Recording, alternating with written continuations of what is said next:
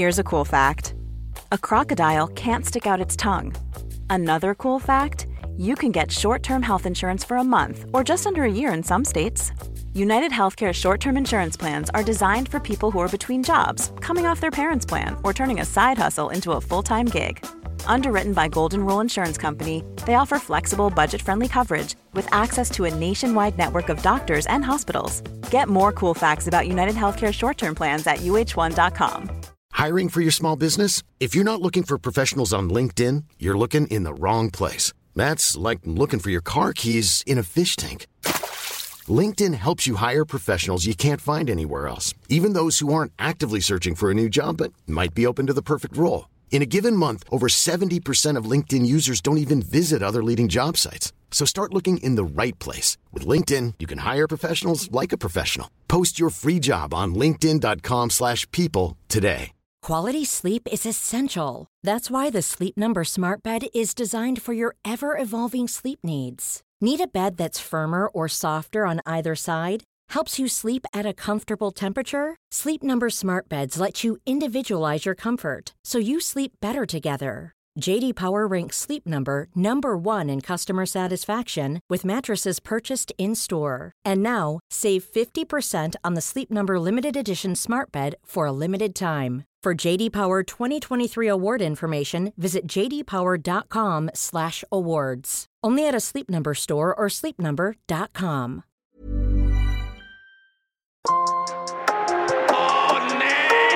Skärpta straff för olaglig maskering. Läget är tufft. Det var en seger för Malmö FF, men en förlust för svensk fotboll. Sveriges damlandslag i fotboll är nu långt från nu krävs ett smärre mirakel. Det står fyra man ska konfrontera mig med frågor. Fy fan vad du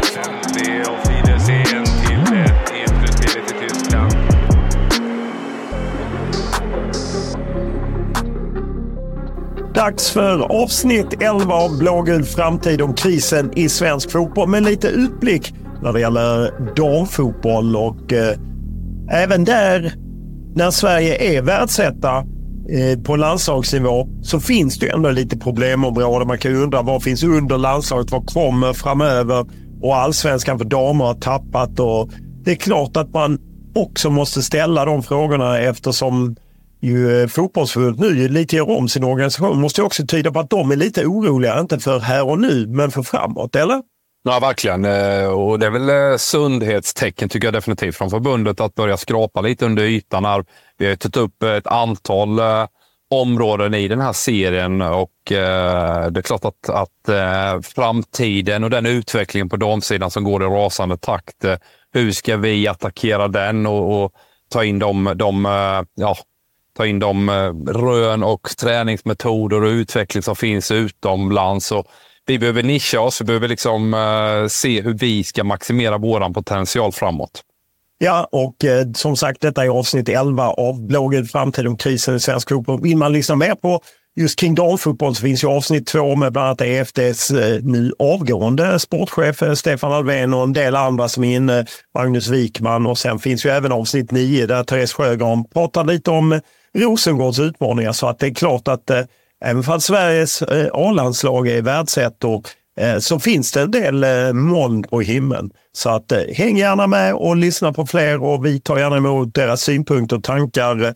Vi finns båda på X, Twitter, både jag och Erik Edman och eh, vi finns även om ni mejlar mig olof.lund.tv4.se.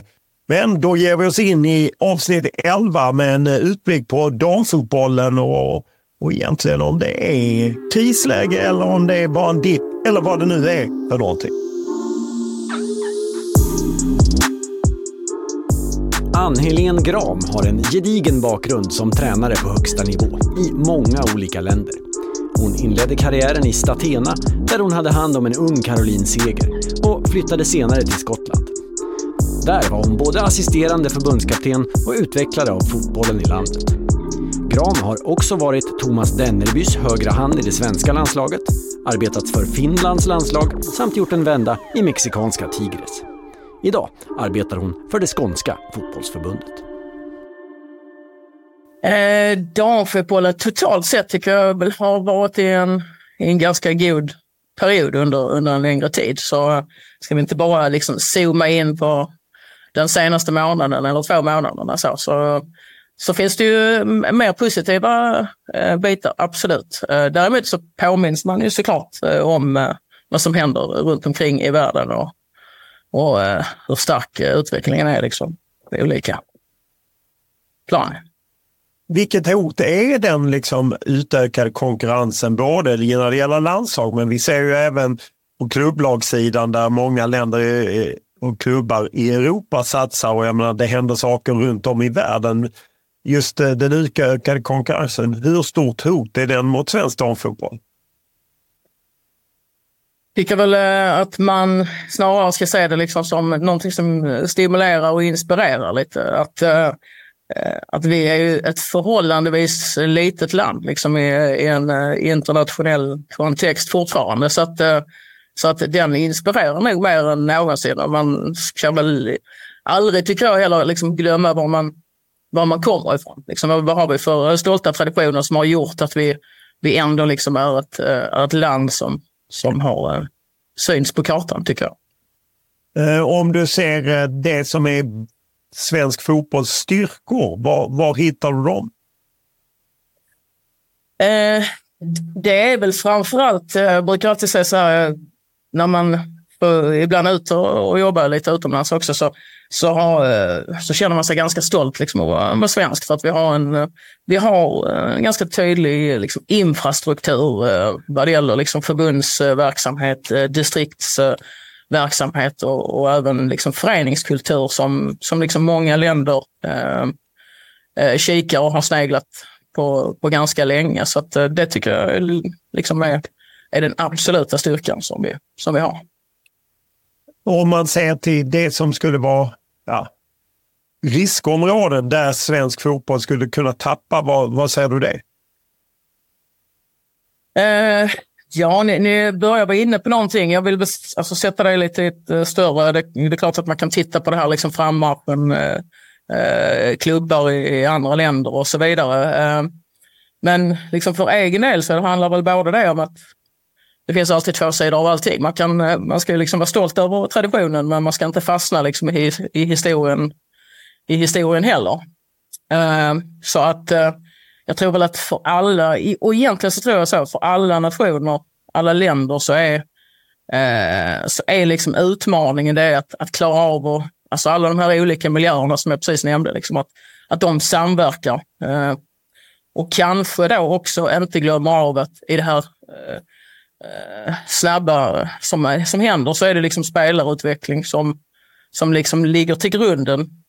Eh, så att, eh, att klara av att samverka de här olika miljöerna så att det inte blir eh, eh, varandras motsatser på något vis. Vi kan ta exempel som internationella kalendrar och, och så vidare. Lite, utan, utan det tror jag är utmaningen för, för nästan alla länder att, eh, att, eh, att jobba, liksom, kunna jobba tillsammans helt enkelt. Och, och maxa sitt lands liksom fulla kapacitet.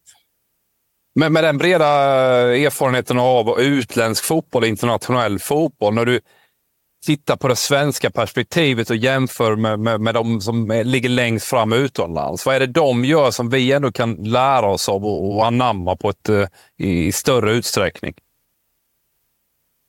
Oh, uh, ja, alltså det tycker jag väl sådär att om, om du tittar på Eh, Eh, alltså landslagsfotbollen så har vi ju på senior, det, det, där är det lite skilt. Alltså svaret eh, blir ju flerdelat egentligen. För på seniorlandslagssammanhang så har vi, har vi faktiskt hävdat oss väldigt väl i, eh, i, under väldigt lång tid. Vilket gör att, att vi gör ju saker på den, på den nivån och som på något vis liksom kanske får lite senare frukt.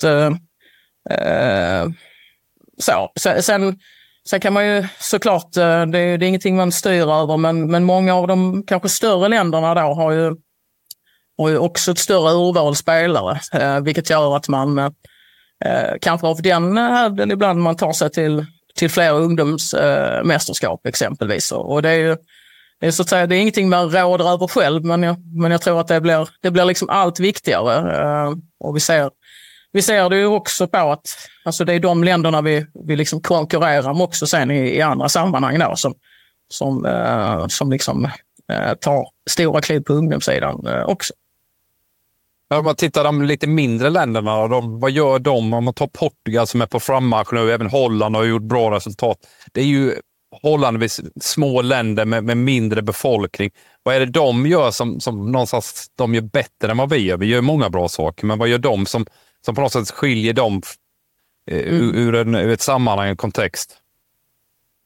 Uh, ja, alltså jag kan ju inte i detalj vad, vad man gör i Portugal. Så jag känner, känner såklart till uh, uh, och bland annat Portugal har jag mött med både Skottland och Finland och, under en längre tid. Och, och ska man ta, ta en grej så, så är det ju såklart att det finns en kontinuitet. Uh, alltså, det finns nog inte en spelare som i Portugal som, eh, som inte har haft eh, Francisco Neto eh, i något sammanhang. Och han har funnits liksom kring portugisisk landslagsfotboll på damsidan under, det räcker inte med 10 utan vi är väl uppe i 15 år. Så. Eh, sen i detalj liksom vad, de, vad de gör, eh, just i Portugal kan jag inte säga, men jag, jag var ju själv liksom med under en längre tid i Skottland och, eh, och samtidigt liksom hade samverkan med, vi har Österrike, vi har Schweiz och, och, också, och Belgien också för den delen som, som har ett förhållandevis liksom, eh, litet, liten numerär spelare. Men jag skulle säga att det är väl just det, att man, liksom, man måste maxa alla, alla miljöer som finns. Eh, eh, man, man tar hand om Eh, såklart starka, starka föreningsmiljöer och klubbmiljöer, men också liksom en stark spelarutveckling. Eh, Det vill säga liksom, ehm, eh, kan ibland fokusera på individer också, liksom erbjuda Eh, när vi kanske nämner ordet akademier eh, här nu och i, ett, i en kontext liksom som kanske kommer från eh, lite herrfotbollen och så, så kanske den på, eh, på dam och flickfotbollen har figurerat i att man har haft eh, förbundsstyrda akademier där man, eh, där man har samlat, eh, samlat spelare och spelare under en viss del av sin skoltid, har gått under ett antal år och, eh, och liksom eh, fått med sig en massa verktyg för att liksom, driva, driva sin egen utveckling. Och det har inte varit kopplat då till, som sagt, till föreningar, utan det har varit en samverkan mellan olika miljöer som gjort att man eh, och så resonerade vi i Skottland också. Vi kan, liksom inte, vi kan inte missa en enda spelare. Eh, så var liksom vår, vår eh, devis i, i Skottland. Så. Eh, vi måste liksom vi måste ha, ha koll på varenda spelare och liksom skapa förutsättningar för, för varje enskild spelare för att, eh, för att helt enkelt eh, ta det, ta det liksom övergripande ansvaret. Du är ju idag eh, spelarutvecklare på Skånes fotbollsförbund. Hur styr du verksamheten eller förbundets verksamhet eller distriktets verksamhet för att få fram eh, fler talanger för fler spelare? Eh, nu har ju, vad ska vi säga, svensk fotboll har ju har ju eh, under de senare åren eh, gjort ett arbete som, som lite gjorde en översyn av all spelarutbildning och, och så, och de, dessa olika miljöer som heter spelarutbildning 2.0. Och, eh, och i det så har ju en del, en del förutsättningar eller en del eh, Eh, saker liksom bytt namn och ändrat lite utseende och lite inriktning. Sen, sen ser ju spelarutbildningen på distriktsnivå, den ser nog lite olika ut i varje distrikt. I, i Skåne så har, har den ju figurerat under ett antal år nu att, att, eh, att eh, eh, ge så många, så många som möjligt, så länge som möjligt, så bra som möjligt. Det vill säga att man, vi jobbar med ett eh, det är öppen verksamhet på 14 år och sen så är det en, en större mängd spelare både på 15 och 16. Mer historiskt, när typ Erik, när det var liksom distriktsguru där, eller Eh, stjärna i distriktslaget. Eh, Småland var det va? Ja, jag vet inte om jag var någon stjärna direkt i det där laget. Men... Så, så tror jag att eh, då var det kanske bara frågan om att det var 20-25 spelare som, som liksom figurerade liksom i, det, i den kontexten och, och kanske känner lite stimulerad av att eh, kunna nå det. Eh, Skåne har ju liksom tagit ett, ett, ett, grepp om att vi vill ha med oss lite fler på, på den resan. Så så vi jobbar med ett lite större antal uh, samtidigt som vi jobbar med, med den typen av distriktsverksamhet också. Så, att, så, så jag jobbar väl på, på vardagsfältet med det, men det är ju, det är ju som sagt det är en kompletterande miljö till, till det som bedrivs i, i föreningar och så. Så att det, det är ju som en, en länk mellan olika och att erbjuda ytterligare en, en miljö och att sammanföra klubbtränare från olika miljöer också i, i, i det här. Så att, eh, det är väl en, det hade vi fått ha ett eget program så om jag skulle prata om det. Jag, jag, Men, tänker, ja. Anna, jag tänker så här mm. kring, kring eh, tidigare gäster vi haft med har, har nämnt det här att, att elitklubbarna ska ta ett större ansvar i samband med spelarutbildning och framförallt tränarfortbildning. Eh, där ni kanske då från distriktshåll tar ett steg tillbaka, att vi lägger större resurser hos elitklubbar att vara ute i breddföreningarna. Dels i, i syfte att utbilda tränarna, och, men också att se unga spelare i sin hemmiljö. Eh, kopplat till, hur ser du på den, det förslaget? Att på något sätt ta bort lite makt från, från distrikterna och, och er och istället lägga den på, på de elitklubbarna som ligger längst fram i, i spelarutbildning? Uh, det var någon av era gäster sa du? Eller? Ja, precis. Ja, du, du citerar. Okej. Okay. Uh, som jag sa innan så tror jag liksom att, att svensk fotboll har byggt på en, en, uh, Eh, en förmåga att, att eh, vad ska man säga, hitta olika nätverk, samverka på olika, olika sätt och det tror jag fortfarande liksom det behövs en figur, även om det är som du säger att det, det såklart det finns mycket kompetens och kunskap eh, eh, i, i dagens elitföreningar, eh, självklart. Men, men det ska också på något vis samordnas och det ska finnas liksom ett långsiktigt tänk eh Eh, i det. Eh, jag är rätt så övertygad om att eh, man lägger både mycket tid på, på just de här frågorna i elitföreningar. Men, men man har ju också andra ganska eh, mer akuta frågor. Och, och, och vi kan väl bara liksom prata mm, kort sådär, devisen liksom resultat kontra liksom kortsiktiga resultat kontra lite, lite långsiktigt eh, tänk. Att, eh,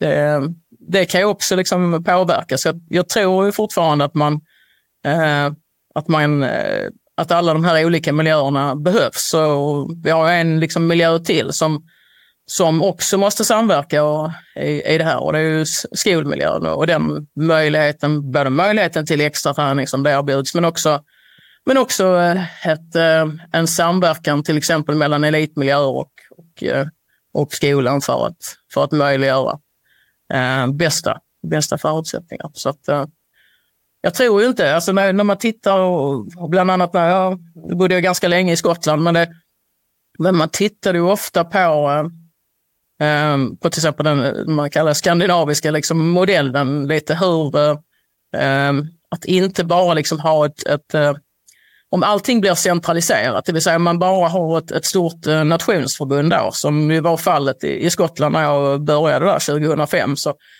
så hade ju de liksom börjat att titta på framförallt de skandinaviska länderna och kom fram till att vi måste liksom bygga regionala, eh, så man delade in Skottland i, i sex regioner sen. Och, och byggde upp liksom så kallat regionala kontor därför att det, det, det här vad som är specifikt liksom för olika delar av landet och, och så vidare. Och igenkänningsfaktorer och liksom att, att eh, veta var finns kompetenserna? Var, var, liksom, var finns de och var liksom behöver vi, vad behöver vi jobba med specifikt kanske i, i vår, vår landsände?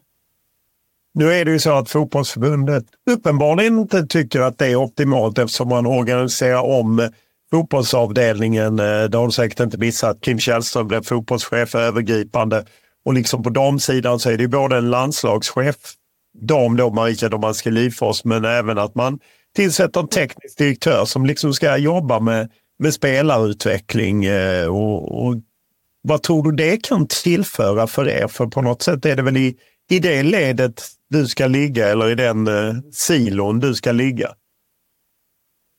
Ja, jag, jag vet väl inte mycket mer än, än, än vad ni är kring den så kallade nya organisationen. Och, och det, är, det är klart att man, när man har hunnit, eh, som jag, bli, bli lite, inte till åren, men, men ändå så, har, så för mig vet jag ännu inte om hur mycket nytt är det. Eh, för svensk fotboll har ju haft en landslagschef tidigare också. Eh, som säkert har tagit olika eh, haft lite olika roller, men eh, om, jag, om vi bara går en 10-12 år tillbaka så, så jag äh, var med som assisterande, då, då hette landslagschefen Lasse Richt, där allting liksom låg under både, både senior och, och ungdom för den delen. Så att, så att än så länge så, så för tidigt liksom att, att veta så, vad ingår i rollerna, vad är uppgifterna och äh, tekniska direktörer, det, det ska vara två. Och, varför, varför är det inte en? Liksom, vad innefattas i, i, i, eller vad kommer liksom att vara uppgifterna för de, för de olika rollerna? Sen är det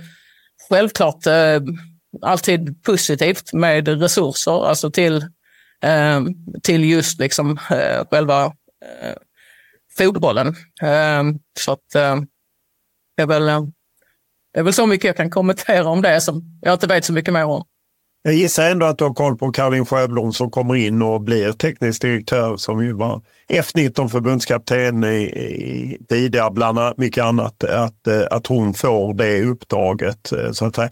Men är det, inte, är det dumt att det inte, tycker du det skulle varit samlat under en så att säga? Det skulle funnits en teknisk direktör för pojkar, flickor, herr, dam. Det, det är väl bara vad jag alltså, associerar i, i, i titeln teknisk direktör. Men, men liksom, det är ju så. Det är ju alltid, en titel är en titel. Det är först liksom, vad är, vad är uppgiften? Alltså vad, eh, vad är den konkreta uppgiften som man ska jobba med? Och, och då är det kanske bara logiskt. Eh, så att den, den insynen har jag inte. Eh, men liksom traditionellt sett så, så, så har vi då mer kopplat samman liksom, en teknisk direktör med liksom det lite visionära, det, det övergripande, saker som ska liksom få stort genomslag i, i, i hur, hur vi ska spela eller vad det nu skulle kunna vara. Men, eh, så det är lite hypotetiskt. Det är ju rätt få kvinnliga tränare ändå på toppnivå, både i allsvenskan och internationell fotboll. Vad, vad beror det på? Ja du, alltså det, det, finns nog en, det finns ju mängder svar på det. Uh, och, och det är klart att, att precis på samma sätt, så det, det, det har, ju, har ju under en tid nu eh, förekommit liksom en, eh, jag ska inte säga en, en debatt, men ändå ehm, som, som spelarna har varit eh, ganska duktiga på, på olika plan, liksom, eh, både internationellt och, och driva liksom att Eh, att driva ehm, rättigheterna och möjligheterna då för, för tjejer och kvinnor att utöva sin, sin idrott. Och det är klart att det är, det är lik, minst lika viktigt på, på andra positioner också och andra roller. Och, äh, och det har ju det finns ju såklart många, vi ska inte bara titta på tränare. Det finns ju liksom andra positioner som också eh, har uh, besatts av och gör det. Liksom, uh, Sara Thunebro figurerar liksom i, i några sammanhang, Carola Sörberg nu, bara för att nämna liksom några namn och Vickan och, och så vidare. Men det är klart att den, den, eh, den siffran skulle behöva bli ännu större och kanske, eh, kanske ännu större kanske i, i, i förenings, eh, föreningsstrukturerna. Eh, och det har ju genomförts mängder av eh, mängder av projekt genom åren också. Eh, det finns väl någonting nu som jag inte har koll på, på namnet, men, eh, men eh,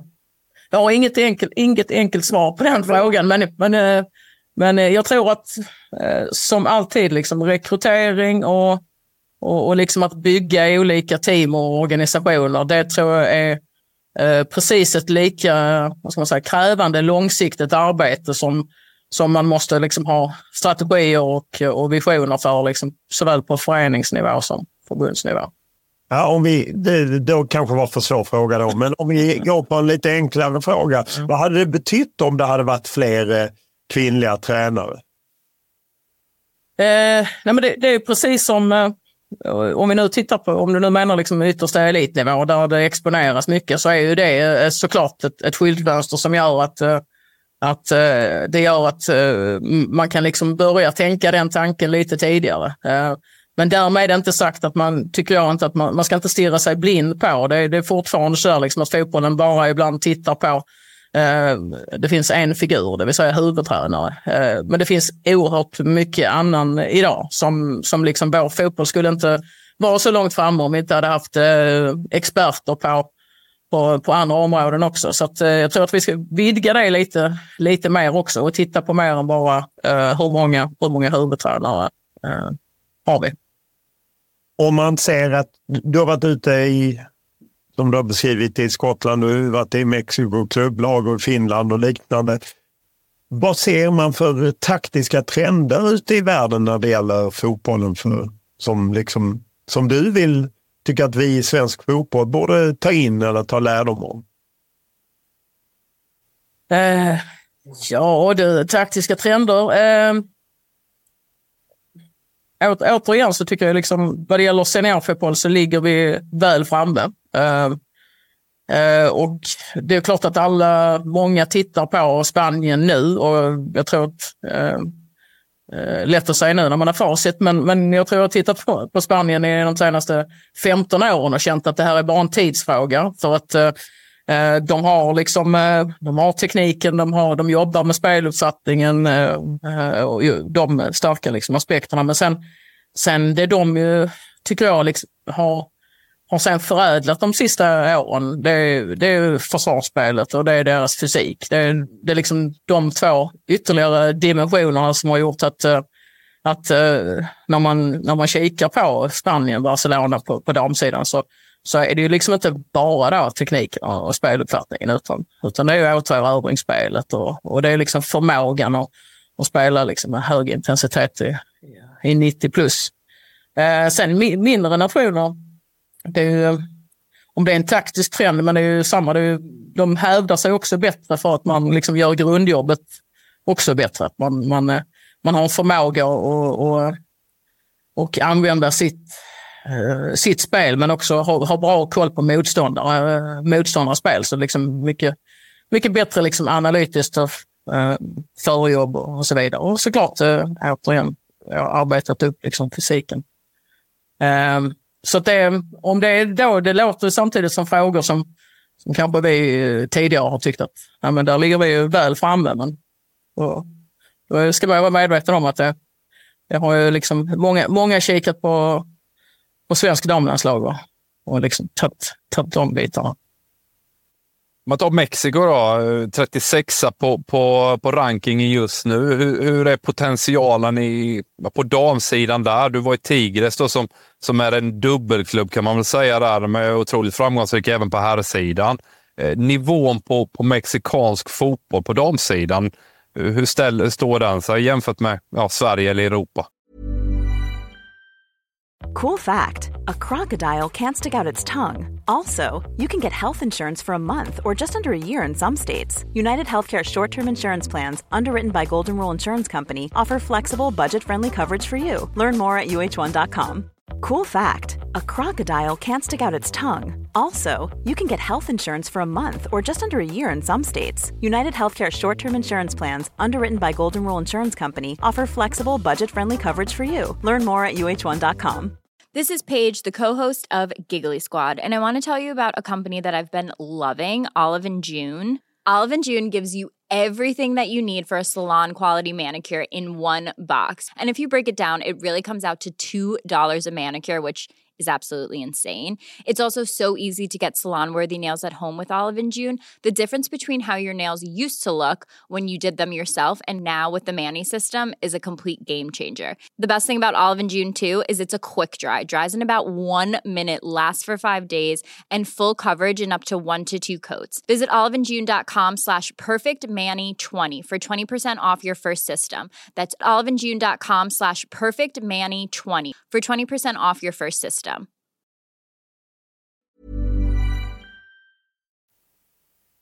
Ja, nej men, det, finns ju, det finns ju oerhört mycket skulle jag säga, potential i ett, ett land som Mexiko. Det är lite därför det var lite kittlande att åka dit också. Mycket kultur. Sen, alltså dubbelklubb är ju, det är ju alla egentligen, för att ligan är ung. Den var framtvingad eh, utav eh, förbundet. Att alla, alla klubbar då är härliga och tvingade att ha Det var väl två, tre som inte ville först från början, men nu har ju, nu har ju alla 18 då. Så, att, eh, Eh, så de har inlett liksom med att kopiera mycket på, på här eh, såklart. Eh, kanske inte i form av tränare och, och sådär. Man, man har ju tidigt försökt att hämta liksom influenser utomlands ifrån, kanske mycket span, en del spanska tränare och jag har jobbat tillsammans med en kanadensisk. Så det var, vi var väl de minsta, minsta, minst latinska, höll jag på att säga. Men äh, det finns ju mycket potential så att eh, när de efterhand eh, liksom kommer och, och kunna jobba upp sidan eh, liksom sportslig utveckling. Eh, för den mediala är ju är ju liksom fantastisk. De är enormt duktiga på att marknadsföra och, och, och har liksom, använder supporterkulturen eh, på ett fantastiskt sätt som är uppbyggd kring, kring här-verksamheten. Sen skiljer det sig såklart mellan föreningar. Tigers tillsammans med Amerikas och framförallt är väl de, de två klubbarna som har, som har eh, liksom i särklass eh, där på det. Men, men eh, Eh, det finns mycket potential, men såklart är det ju än så länge, det hänger inte riktigt ihop. För det är klart att de har en ungdomsverksamhet, men, men där är ju många, många av deras utmaningar.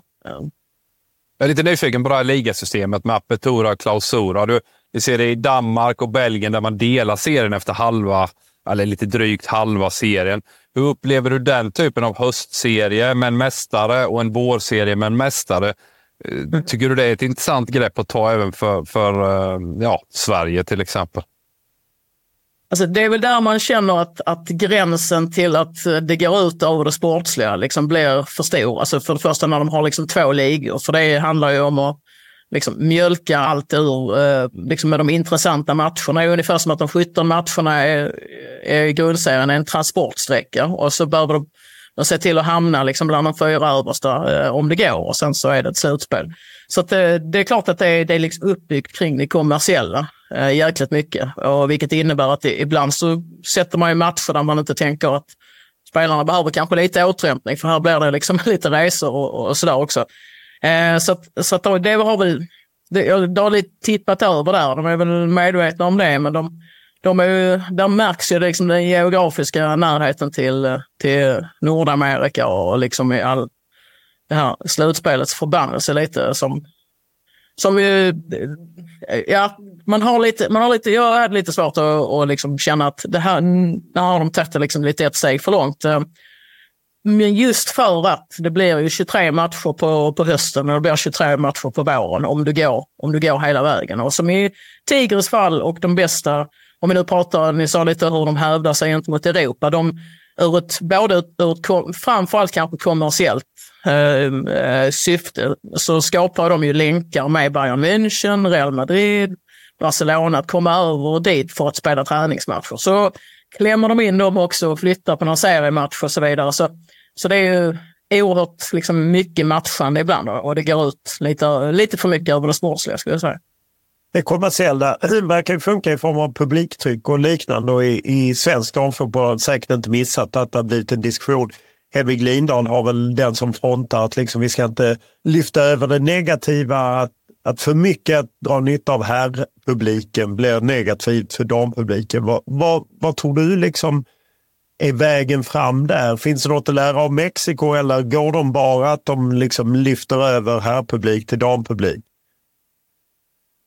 Eh, det är ju säkert eh, procentuellt sett en ganska stor del. Ja. Att, eh, det är förhållandevis eh, eh, billigt eller lägre biljettpriser och så. Eh, såklart hur det ser ut i, eh, i, i, eh, i liksom omgivningen. Men, eh, men så jag, tror att där, men ändå är det en större mix. Alltså även i, även i Mexiko, om jag Eh, om jag tittar på de matcherna som damerna spelar kontra när herrarna spelar så är det lite mer familjer, lite mer liksom barn och ungdomar och, och lite mindre ultras. så, så att, eh, ehm, och det är väl ganska, jag tror så länge liksom så att, att eh, vi både spelar och alla jobbar liksom runt om det här att alltså vara stora förebilder och rikta sig mycket liksom till, till, till ungdomar och så, barn och ungdomar. Så så, så, så, kommer det nog fortsätta liksom att bli lite, lite blandad supporterkultur. Det,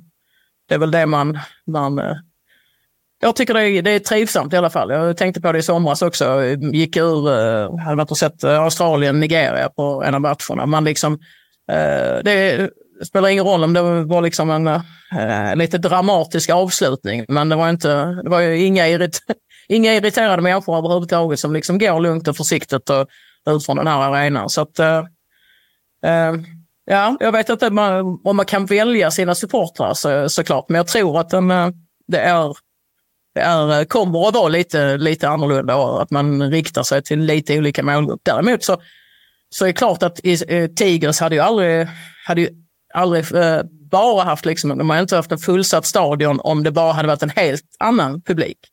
Utan det är ju, eh, de bygger ju, de har ju en oerhört liksom stark ehm, eh, eh, supporterkultur i att man liksom lever med klubben och klubben gör mycket sociala insatser i området och, och sådär. Så, det, det, det är mer än en det är mer än ett lag för, för många av supporterna. Eh, det är liksom en, en liten institution, det är det de till och med kallar det. Jag tyckte det lät lite högdra, eh, sådär stort när de började prata om det.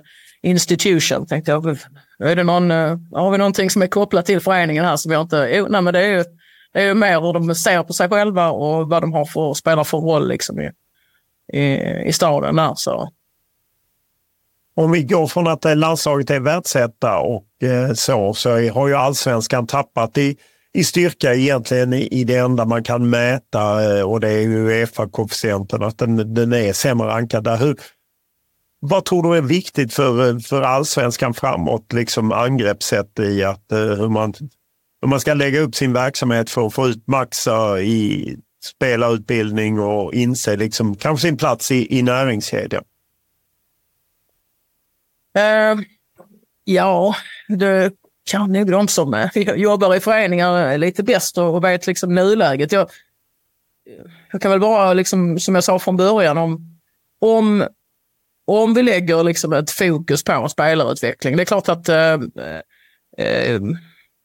att man hört det här uttryckas ett antal gånger att vi inte, lika, vi inte är så attraktiva som vi har varit tidigare för spelare att komma. Och, och det är mycket kopplat till den till ekonomiska eh, biten såklart. Men, men, men vi har fortfarande också liksom en, en bra produkt och, och, kan erbjuda bra miljöer. Så, att, eh, eh så det kan väl fortfarande finnas. Men om vi själva liksom då tänker på alla, allt som kommer, liksom, eh, alla spelare som kommer från Sverige. Om vi, om vi jobbar liksom ganska tydligt med, med spelarutveckling och tänker eh, och där är väl frågan, ska, vi, ska det bli som på här sidan att vi jobbar med att eh, utveckla spelare för att så kallat kunna sälja dem vidare eh, när de kommer upp till en, en viss ålder. Då, eh, då, det kanske blir en sån ekonomisk utveckling så småningom. Men, men jag tror också att vi inte, återigen om man ska liksom titta på det sportsliga, att, att vi, om man jobbar med eh, ett, en målsättning att, att spelare ska uppnå sina, sin maximala liksom, potential när man är runt 26, först när man är runt 26-27 så har det en liten annan inriktning skulle jag vilja säga. Att vi, om man nu uttrycker det som du säger, man, sin plats i näringskedjan. Men vi har ju fortfarande liksom ett underlag spelare som har, håller en god nivå som vi kan, som vi med, med goda liksom, gemensamma insatser skulle kunna utveckla alltså bättre och bättre tror jag.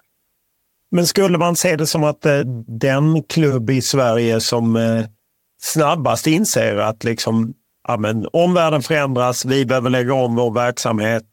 Vi kanske inte satsar på att värva spelare från Australien eller andra som tar platser på våra talanger. Att man, att man där skulle kunna skapa sig en, en position, eh, att man liksom blir väldigt skicklig på att ta fram unga spelare hela tiden satsade på att låta unga spelare få speltid? Jag tror att det är en väg att gå. Men alltså, det, det jag, när jag snackar ibland om svenska modellen så har det inneburit att det finns olika vägar. Att, eh, att det är inte... Är, är, den, enda, är den enda modellen liksom... äh, kommer den att se ut på exakt samma sätt? Ja, då... Eh, då eh, jag tror inte det fortfarande. Jag tror att det liksom är ytterligare en bit fram. Vi, vi, ser, vi har ju fortfarande liksom väldigt positiva sådana exempel i damallsvenskan. Så att, eh, det viktigaste är väl att man, att man har liksom en, en, eh, en, en egen struktur för just det man själv liksom avser och, och, och hur man och jobbar med. Man, man har ju såklart olika förutsättningar. Man är i olika delar av landet. Och, olika liksom, underlag till spelare. Det kommer fram fler spelare i Stockholm, eh, Skåne exempelvis, eh, jämfört med, med Norrland. Eh, så att man kan ha olika, olika, olika, eh, vad ska man säga, olika varianter på det. Jag, ska, jag vill inte nämna några klubbnamn, så jag, jag undviker dem. Men det finns olika idag såklart eh, också. Vi ser ganska tydliga exempel på rena damklubbar, eh, kallar du dem, dubbelklubb. Och, och sen så ser vi också på någon som är en, nästan en riktig liksom, småklubbsfotboll. Men, men, eh, och det finns ju utmaningar liksom för, för alla Men man måste också så man måste fokusera på att ha en struktur som, som klarar av just, just det. Vad blir viktigast eh, fem år framåt för svensk fotboll? Att inte glömma bort för att inte tappa den starka position man har i, idag. När man liksom har, eh, som man, säger, man skapar en stark liksom, gemensam över liksom hela, hela landet. En, eh, en bild av liksom, vad som är liksom, svensk fotbollsidentitet på damsidan. Alltså hur, hur, eh, liksom, hur, hur, ser vi på teknik? Hur ser vi på fysik? Hur ser vi liksom på hur man, hur man utvecklar eh, olika delar av spelet? Att, eh, att det, det tror jag är den, eh, den, eh, den absolut liksom viktigaste då, för att maxa, som jag sa innan. Man, det finns alltid mycket potential, mycket kompetenser. Och, och att hitta former för att liksom maxa det så att, så att man... Jag brukar säga det i Skottland när vi började där, att, att eh, för att få ihop liksom alla klubbarna till att jobba mot ett mål så sa vi att eh, då spelar man alltid matcher på söndagar. På söndagar under 90 minuter, då är ni liksom era värsta konkurrenter. All övrig tid så, så ska ni göra allting för att, för att eh, liksom hjälpa och förbättra med något gemensamt mål. Liksom. För att, att bara liksom vara bäst i landet, då, att vinna en liga eller, eller för en spelare att, att ta sig liksom till ett landslag, det, man måste vilja någonting ytterligare. Alltså för att lyfta, för att lyfta liksom hela, hela, hela fotbollen. Eh, och att inte bara vara bäst i sitt land. 53-årige Lili Persson har framförallt gjort sig känd för sina år som Pia Sundhages vapendragare. Både i det svenska landslaget och i det brasilianska. Utöver det har hon också basat över svenska flicklandslag och U23-landslaget. Som spelare gjorde hon hela 17 säsonger i Hammarby och vann SM-guld 1985. Numera är hon sportchef i Stockholmsklubben Bo FF. Svensk damfotboll har presterat över tid eh, och man är ju man är världsetta liksom. Det är ju helt jävla otroligt. Eh, längst upp i norr, apropå att titta ut genom fönstret. Det är snö överallt. Eh, Förvisso bara i Stockholm, men ändå. Så att, eh, nej, jag tycker inte det är kris. Det tycker jag faktiskt inte. Jag tycker det är ett alldeles, alldeles för starkt begrepp. Du har ju dels jobbat mycket med Sverige och eh, svenska flicklandslag.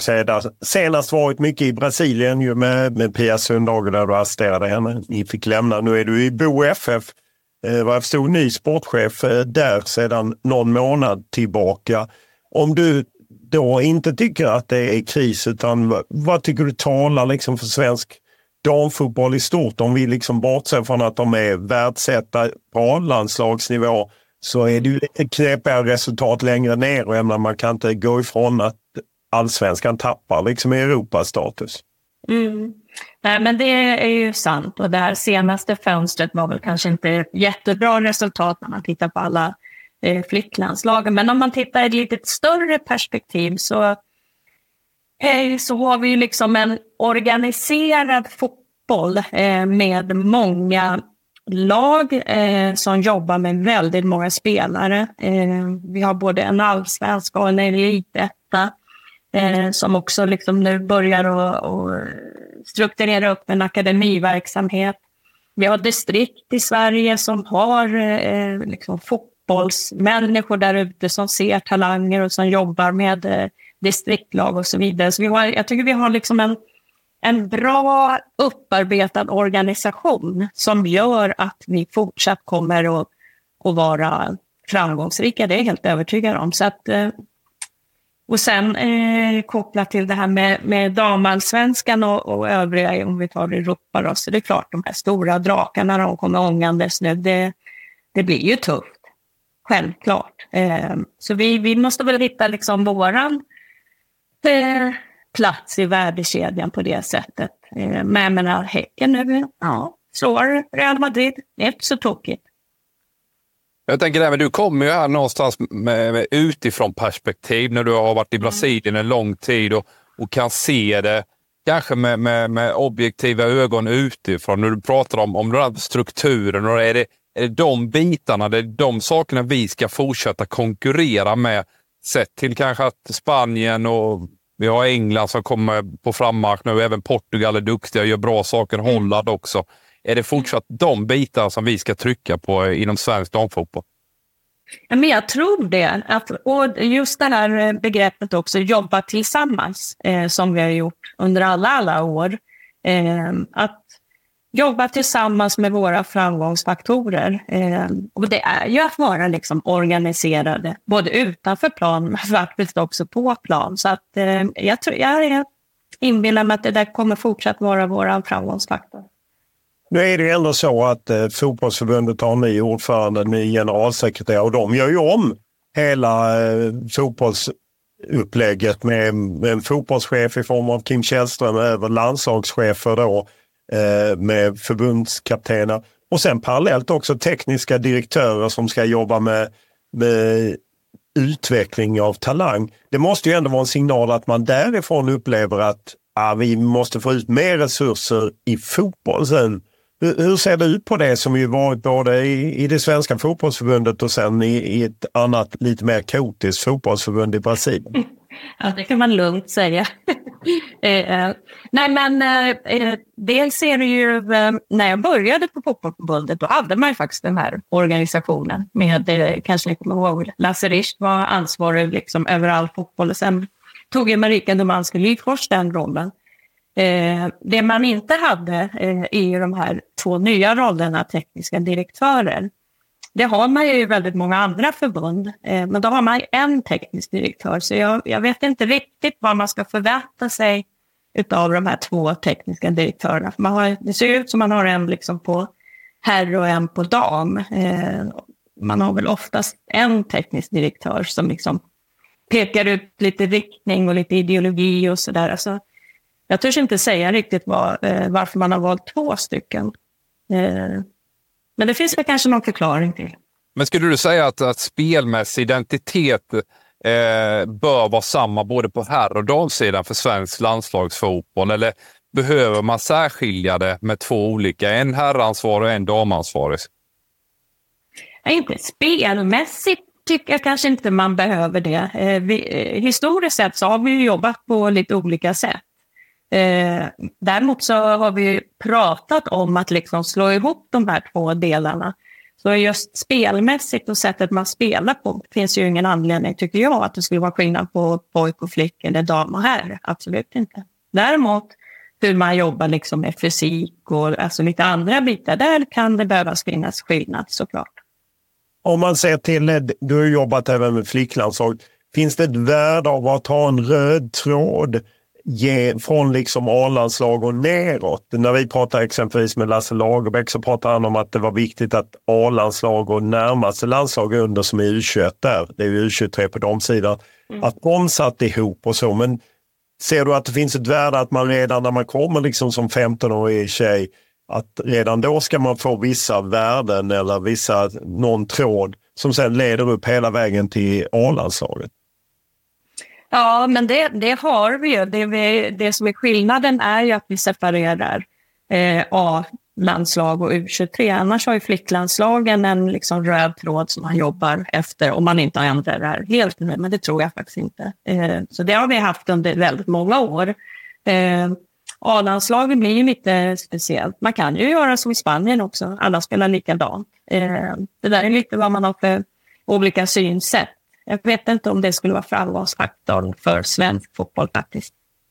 Eh, vad tycker du, vad finns det för risker som Sverige, där Sverige kan gå fel i, i den här liksom utvecklingen om man... Det är ju ändå så att de spelare som har tagit Sverige till en position som världsetta, en del av dem kanske inte har jättemånga år till i sig och jag menar några, Caroline Seger slutar och, och så. Vad, vad tycker du är liksom det som Sverige måste undvika? Ja, men det, vet du, det, du har ju också varit med så länge. Eh, vi sitter ju alltid så där och undrar, så, oj, oj, oj, nu slutar vicken, hur ska det gå? Jaha, men då kom det ju någon annan. Eh, så att eh, just det att Sverige har presterat, vunnit medaljer, men faktiskt också utvecklat världsspelare över tid, är ju fantastiskt.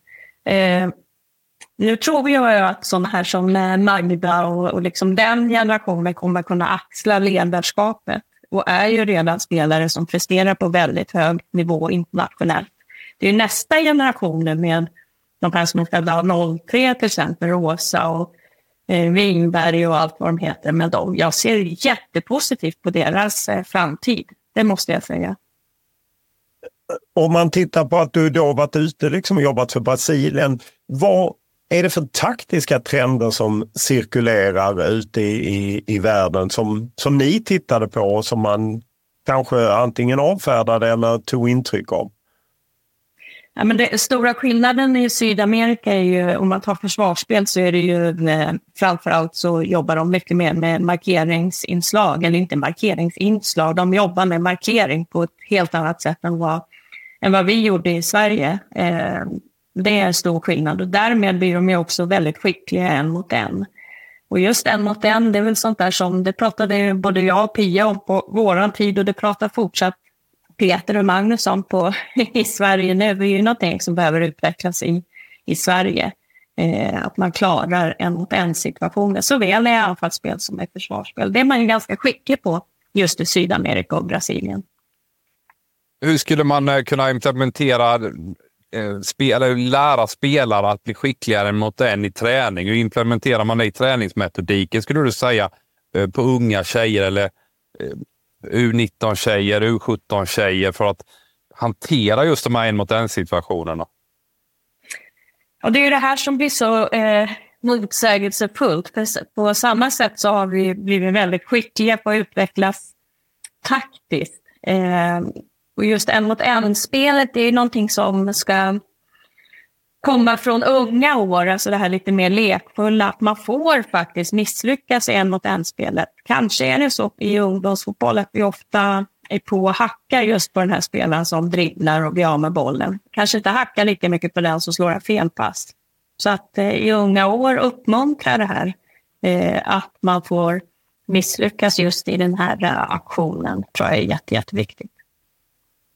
Om man eh, ser till träningsmetodik och liknande så känns det som även där går fotbollen väldigt mycket framåt och hur man kan följa allt från med ny teknik, löpningar och sånt. Vad, vad är det där du har tagit med dig som är intressant att, att ta del av?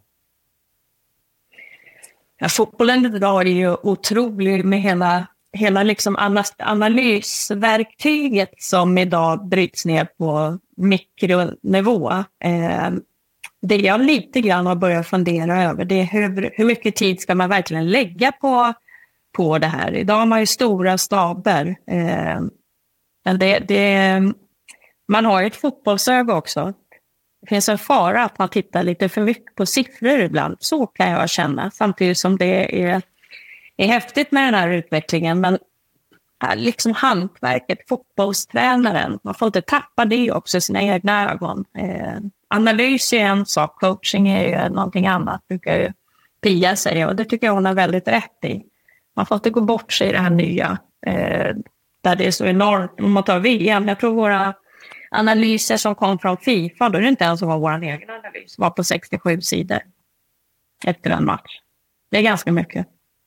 Ja, och är det så att analyser på något sätt ja, men tar de lite av makten från eh, tränaren, fotbollsögat, för på något sätt kan alla ta del av analysen och mycket lättare att gå in och ifrågasätta. Plötsligt har man ett verktyg, det vill säga ett siffror eller någonting och säga att ja, men, spelare X gjorde inte det och det, titta här.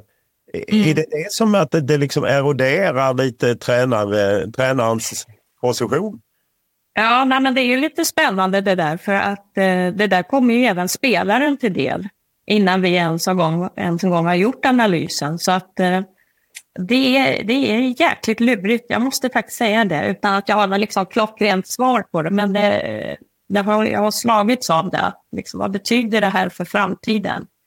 Eh, kopplat till tränarens roll. Eh, det går så fort idag med liksom, analysen eh, utifrån alla verktyg som finns. Att det har liksom nått spelaren innan, innan vi som tränare ens har gjort den egna analysen. Vilka problem ser du med det då, kopplat till, till matchanalysen? Om ni spelar en gruppspelsmatch med Brasilien i, i VM och sen så tar spelarna del av den typen av information. Vilken typ av problematik utsätts man för inför nästa match, så att säga, eller nästa utmaning som kommer? Nej, men det är ju just det här att en siffra är en sak, hur man coachar är ju någonting annat. Eh, så att en siffra kan ju upplevas dålig eller bra, eh, medan det vi coachar i kanske är någonting helt annorlunda eller eh, har ett annat värde. Så att, eh, samtidigt som, som jag ser en fördel med det så, så ser jag också en liten fara i det. Att analysen faktiskt blir lite felaktig från spelarens perspektiv. Eh, om du tittar på svenska spelare, vad upplever du att deras styrkor är respektive svagheter när man liksom tittar på dem? Jag menar, nu har inte ni mötts i, i någon sån renodlad tävlingsmatch, men ni har ju ändå mött Sverige och jag gissar att du ändå har koll på hur, hur ser man på svenska spelare utifrån? Man tycker att de är väldigt långa. men nej, men det, alltså, Sverige är ju jätteskickliga kopplat till eh, alltså sitt kollektiva lagspel. Så. Eh, man är skicklig på att utnyttja det man är bra på. Man tar det här med fasta situationer till exempel. är ju, är enormt hur de gör mål varenda jäkla match på fasta situationer. Det är ju att vara smart, liksom, utnyttja någonting som man är riktigt bra på och vara taktiskt förberedd. Eh, där är man ju jätte, jätteskickliga. Det man saknar lite grann det är ju det här en mot en-spelet framförallt eh, offensivt, men kanske också även i försvarsspelet. Liksom, här skickliga liksom, en mot en försvarsspelarna. Eh, den brister lite grann, tycker man utifrån. Då. Om man ser eh, din tid i Brasilien, det har ju framgått att det har varit lite rörigt både i den inhemska fotbollen och i förbundet. Men finns det någonting där du tar med dig hem till svensk fotboll som du känner att det här det här vill jag liksom implementera att de uh, unga tjejerna i, i BoFF, de ska, det här ska vi ha, få in. Ja, jag skulle nog säga det här lekfulla. Eh, och det var lite det vi var inne på, liksom, när man är ung, att eh, fortsätta vara lekfull, fortsätt att dribbla, fortsätt att eh, liksom, våga misslyckas i det. För det gör ju de, eh, absolut. Sen är det precis som du säger, alltså det här, den här röran som är, den ska nog vi vara glada för om man, eh, är svensk igen. Då. För det, det, gör ju att de tyvärr har svårt att eh, bli framgångsrika. Man har ju, nu är ju presidenten avsatt igen eh, på grund av någon korruption eller vad det är. Så att, eh, det är, eh, och det är ju deras eh, nackdel. Det kommer liksom aldrig bli någonting så länge de inte får ordning på de här grejerna. Att det finns talanger hur många som helst, men de får liksom ingen ordning och reda på grejerna, tyvärr. Om du vill få in det här lekfulla i, i BoFF, vad, vad, vad ger du för signaler till era unga lag så att säga? Alltså de som leder lagen. Hur, hur ska de tänka på det här? Att, eh... ja, det är ju att eh, de spelare som har de egenskaperna att verkligen eh, eh man får utmana sitt ledarskap med att de här ska få misslyckas, att de måste få prova igen. Eh, och sen är det ju att eh, hitta dem tidigt, eh, prata med dem som är nu eh, tränare i de här unga lagen, att eh, eh, låta dem dribbla, eh, om det nu är det man tittar efter. Då. Hur, hur svårt är det att, att få in det i svensk fotboll? För det känns som att man har alltid pratat om, det oavsett om det är på herr eller damsidan så har de som spelarna som har varit den typen kanske haft lite svårt att ta sig in i de kollektiva landslagen. Det är ofta de som mm. byts ut. Och att, att det känns som att man sällan vågar satsa på dem. Nej, det är det som blir, det blir lite motsägelsefullt. Samtidigt som vi säger att vår styrka är ju just liksom lagspelet, vara taktiskt förberedda, jobba kollektivt ihop och så vidare. Eh, om, man, om vi tar våra damlandslag så har vi haft Kosse genom alla åren som då får vara den som står för det här eh, lite annorlunda. Då. Eh, sen är de ju lite lätträknade faktiskt. Så att eh, de som kommer fram nu, Rosa till exempel, är väl ett alldeles utmärkt exempel på att hon måste få tid på sig eh, att växa in och eh, tillsammans med Kosse, om Kosse fortsätter, eh, att liksom använda sina egenskaper, för hon har de egenskaperna. Det har hon visat med all tydlighet genom i flicklandslagen och i sitt klubblag. Hur gör man som, som ledare att eh, på något sätt köpa sig tid? För det är ju ändå så att man är en resultatutsatt bransch och man kanske, mm. att det kanske i det läget man tar av Rosa Kafaji istället för att ge henne tid och låta henne misslyckas gång på gång för att verkligen växa in i rollen. För att man själv är lite pressad. Ja, nej, men så är det ju såklart. Man eh, ska ju vinna liksom, framförallt på A-landslagsnivå. Annars, annars är ju ni där och hackar, om inte annat. Så att, eh, men eh, jag tror också så här, tidigare så eh, kanske det fanns spelare som hade den här typen av egenskaper, men man förstod inte riktigt att man också måste bidra i det övriga spelet, försvarsspel till exempel. Man vi på Kosse, hon är ju liksom en av Sveriges bästa försvarsspelare och har alltid varit. Så att eh, Eh, man måste ju som, som spelare också förstå att det finns två, två sätt att spela fotboll på. Man behöver göra det samtidigt. Man måste ägna sig åt försvarsspel också, samtidigt som man ska använda sina egenskaper. Det finns ju en spelare till faktiskt. Rytting är väl ett utmärkt exempel på en duktig en mot en spelare. Så henne ska man ju vara jätterädd om och låta henne liksom fortsätta att växa in i det här. Jag tänker på det här med, med att vara stark defensivt, en mot en.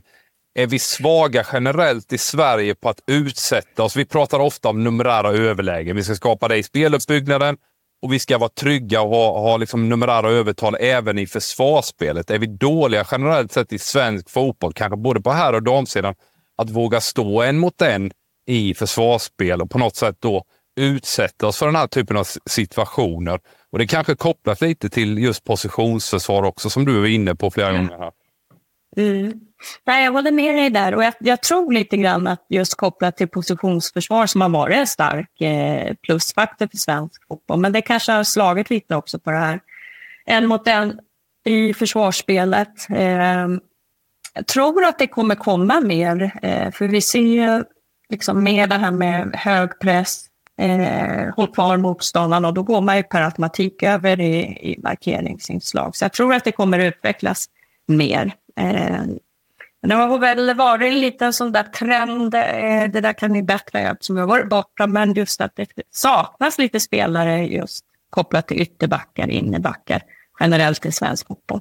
Så att eh, det är väl någonting att, att plocka fram igen, för det där är ju jätte, jätteviktigt om man ska klara sig internationellt. Det som är bra för landslaget är ju att, jag menar vi ser flera svenska landslagsspelare involverade när det är Arsenal-Chelsea inför 50 000 åskådare i Women's Super League. Kanon att spelarna är på den nivån. Och även fall Häcken har gjort det bra så rent historiskt har vi ju liksom tappat på allsvenska nivå. Nu är ju Bo FF en, en bit ner så att säga men därifrån, jo men det, om man då tänker vad, hur ska man liksom räta in sig i näringskedjan där? Att ska man bli liksom en liga som, ja men det är viktigt, vi tar fram spelare som vi sen kanske förhoppningsvis säljer och får betalt för och utbildar liksom, men, men det är inte här de ska göra sitt eh, ja, främsta eller hur, hur ska man rätta in sig? För det blir ju en ny verklighet på något sätt på rätt få år att man har gått från att vara en av världens bästa ligor till plötsligt bli en matarliga. Mm.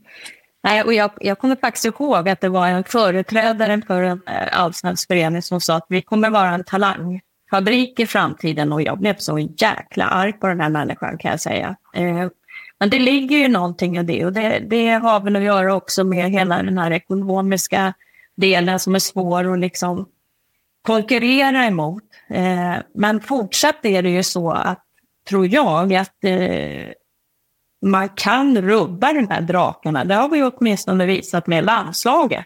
Vi kan rubba liksom USA som har jättemycket pengar. Vi kan rubba eh, Brasilien som har jättemycket pengar. För vi har någonting annat. Så att, eh, men man kanske inte kan göra det varje år, men då och då. Eh, sen tror jag vi, eh, för att, att ha ett framgångsrikt A-landslag, så ja, de måste ju spela nu. Det är ju fantastiskt att se eh, Ilestedt igår och Johanna göra mål till exempel. Det är underbart. Men och, hur tror du det blir om, om du blev förbannad som kanske inte ens var involverad i någon eh, svensk klubb? Hur, hur, tror du det är liksom att, att styra om verk, verksamheten för att innan haft som mål att konkurrera i Europa. Även fall jag menar, Sverige har inte haft en Champions League-finalist sedan Tyresö FF 2013 och det var ju på konstiga grunder vet vi ju alla mm. i efterhand. Och innan dess får man nästan gå 20 år tillbaka när Umeå vann och så. Men Hur, är, hur, hur tror du de som leder klubbarna ska tänka när de styr om till, till att bli någonting annat? Fast jag tror idag, jag vet inte om jag har fel, men jag tror idag att jag tror det är ingen som går in med liksom den målsättningen att man ska upp och kriga och vara liksom i någon Champions League-final. Jag tycker man redan har inrättat sig i, i den här ordningen. För det har varit över så lång tid nu som, eh, precis som du säger, man är inte där. Eh, utan man är liksom strax under eh, och där ska man vara. Men att, att vårt landslag fortsatt ska vara uppe och kriga om medaljer, absolut. Eh, Betyder det ingenting att, att, de, att landslagen på under A-landslaget har så svajiga resultat. Emellanåt går det ju dåligt, emellanåt vinner de ju. Det har ju hänt de senaste tio åren. Jag menar, två mm. stommarna i dagens A-landslag mm. kom tidigare mm. eller vinnare av EM exempelvis. Eh, får man bara acceptera det i Sverige, att det går liksom upp och ner med de här ungdomslagen? Det tror jag man får göra. Eh, och jag tror kanske inte man behöver vinna, men jag tycker det är viktigt att vara i slutspel. Eh, I såväl EM-slutspel och kan man dessutom ta sig till VM-slutspel som ung spelare. Eh, för då, då lär man sig att vara turneringsspelare. Så det tycker jag är busviktigt, att man tar sig till slutspel. Det kommer man inte göra varje gång såklart, för konkurrensen är så tuff. Men att ha det som mål skulle jag tycka, nu är inte jag ansvarig för det längre, men det tycker jag är jätte, jätteviktigt just att man pratar om att konkurrensen växer. Det gör det både på klubb och landslag. Hur kände ni av det liksom när man tittade? Ni ledde Brasilien som ju då var första gången de inte gick till gruppspel på rätt länge. Men hur kände man av att, att konkurrensen ökar? Ja, men det är ju, det, dels har ju vi sett nu, vi, det var många som var förvånade att Colombia var så bra. Vi mötte ju dem i finalen i Copa America eh, och hade fullt sjå att vinna den matchen. Så att det, det, den här konkurrensen som är runt om i världen nu med att utveckla spelare, pengar kommer in och så vidare. Det är ju bara, det kommer fortsätta bubbla. Eh, bara i Afrika och Sydamerika för att ta två liksom, stora eh, ställen med många människor eh, och där liksom, jämställdheten inte har kommit så jäkla långt. När de får fart så ja, kommer de ju såklart utveckla jättemycket spelare på sikt. Absolut.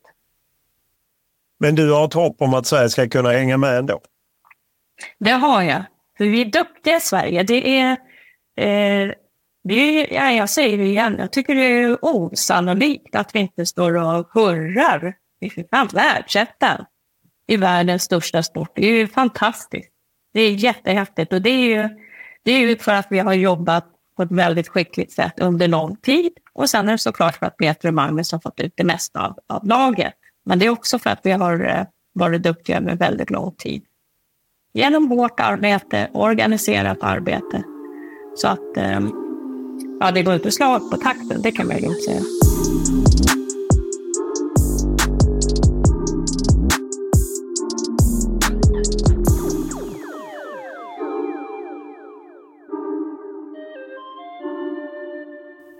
Då har vi lyssnat på Lili Persson och eh, Ann-Helén Gram, eh, bägge två med ja, oerhört lång erfarenhet eh, i, i både svensk och internationell fotboll. Och det är alltid intressant att höra med människor som varit utanför Sveriges gränser, eller hur? Som kan se det lite på ett annat sätt.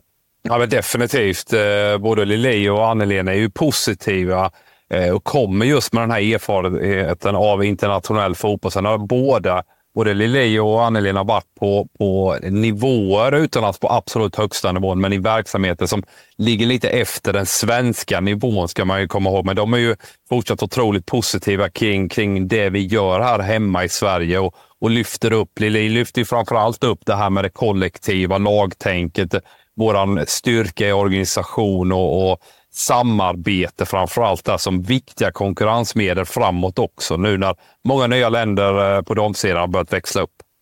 Ja, jag tycker det är intressant med Lili Persson som jobbade med PS Sundhage och att de då tryckte på att svenska spelare måste bli bättre en mot en, både offensivt och defensivt. Och, och det, precis som Lili påpekar, har vi hört från Peter Gerhardsson och Magnus Wikman. De stod ju efter Sverige förlorat mot England i EM-semifinalen med 4-0. Stod de på eh, utanför ett hotell när de skulle sammanfatta EM och tryckte just på det. Och där är väl en jättebrist i svensk fotboll. Jag menar Kosova Asllani, visst som eh, och Rosa Kafaji i Häcken, AIK-talangen eh, som spelar i Häcken och det finns några till. Men det är ja, Johanna Rytting Kaneryd, men annars är det ju ont om den typen av det är inte helt lätt på beställning för det går ju lite emot den kollektiva tanken att laget, liksom man är, laget blir större än alla individer ihop och så vill man ändå ha individerna. Ja, och framförallt om man vänder på det ur defensiv synvinkel också, framförallt det här med positionsförsvar där vi är starka, eller Li också lyfter. Men hur kan vi få eh, starka defensiva en mot en-spelare? Då handlar det om att utsätta den typen av spelare redan i unga åldrar för en mot en-situationer. Både offensivt då, där, där vi är relativt skickliga och kanske kan bli ännu bättre. Där, där Magnus Wikman i den här poddserien lyfter fram just den förmågan att vi tillåter folk att misslyckas. Men jag vill vända det mot det defensiva. Att, att klara av att stå en mot en. Pressspel är ju inne nu. Man vill pressa högt, man vill pressa eh, väldigt långt upp på motståndarnas planhalva. Det innebär ju också att ytan bakom backlinjen är större. Då behöver du snabba, starka spelare som klarar av att stå en mot en och inte bli stressade av den typen av situationer. Och där har vi en brist i svensk fotboll, både på damsidan och herrsidan. Sedan är det ju uppenbart att eh, eh svensk fotboll på damsidan har ju stått starkt. Därför har ju många länder tittat hit. Det är ju därför Pia Sundhagen och Lili Persson jobbar i Brasilien. Pia Sundhage jobbade i USA. Vi ser både Robert Vilaham och, och Jonas Eidevall i, i eh, Women's Super League och Ann-Helén Gram och Anna Signöl som jobbat för Skottland, Finland. Alltså, Problemet är väl att de kommer hit och tankar det bästa av den svenska fotbollen som vi fick höra Annelén prata om. Hur Skottland delat upp i distrikt och liksom på söndagar ger ni allt mot varandra. Men sen måste ni jobba ihop. Risken är ju att de då närmar sig Sverige för att de tar det bästa av Sverige. Och där måste väl Sverige ut och leta. Och att, visst, man ska vara bra på det kollektiva och på organisationen och, och strukturen. Men vi måste väl också ta till oss lite nya grejer för att för att hänga med även de stora nationerna. Ja, men definitivt. Det är klart att vi har otroligt mycket kompetens på damsidan eh, i tränarform kan man väl säga. Där. Men de som ligger längst fram ute i Europa, det är ju Spanien och, och Portugal och Holland. Det har vi nämnt flera gånger. Där. Det är klart att de gör saker som vi kan lära oss av också.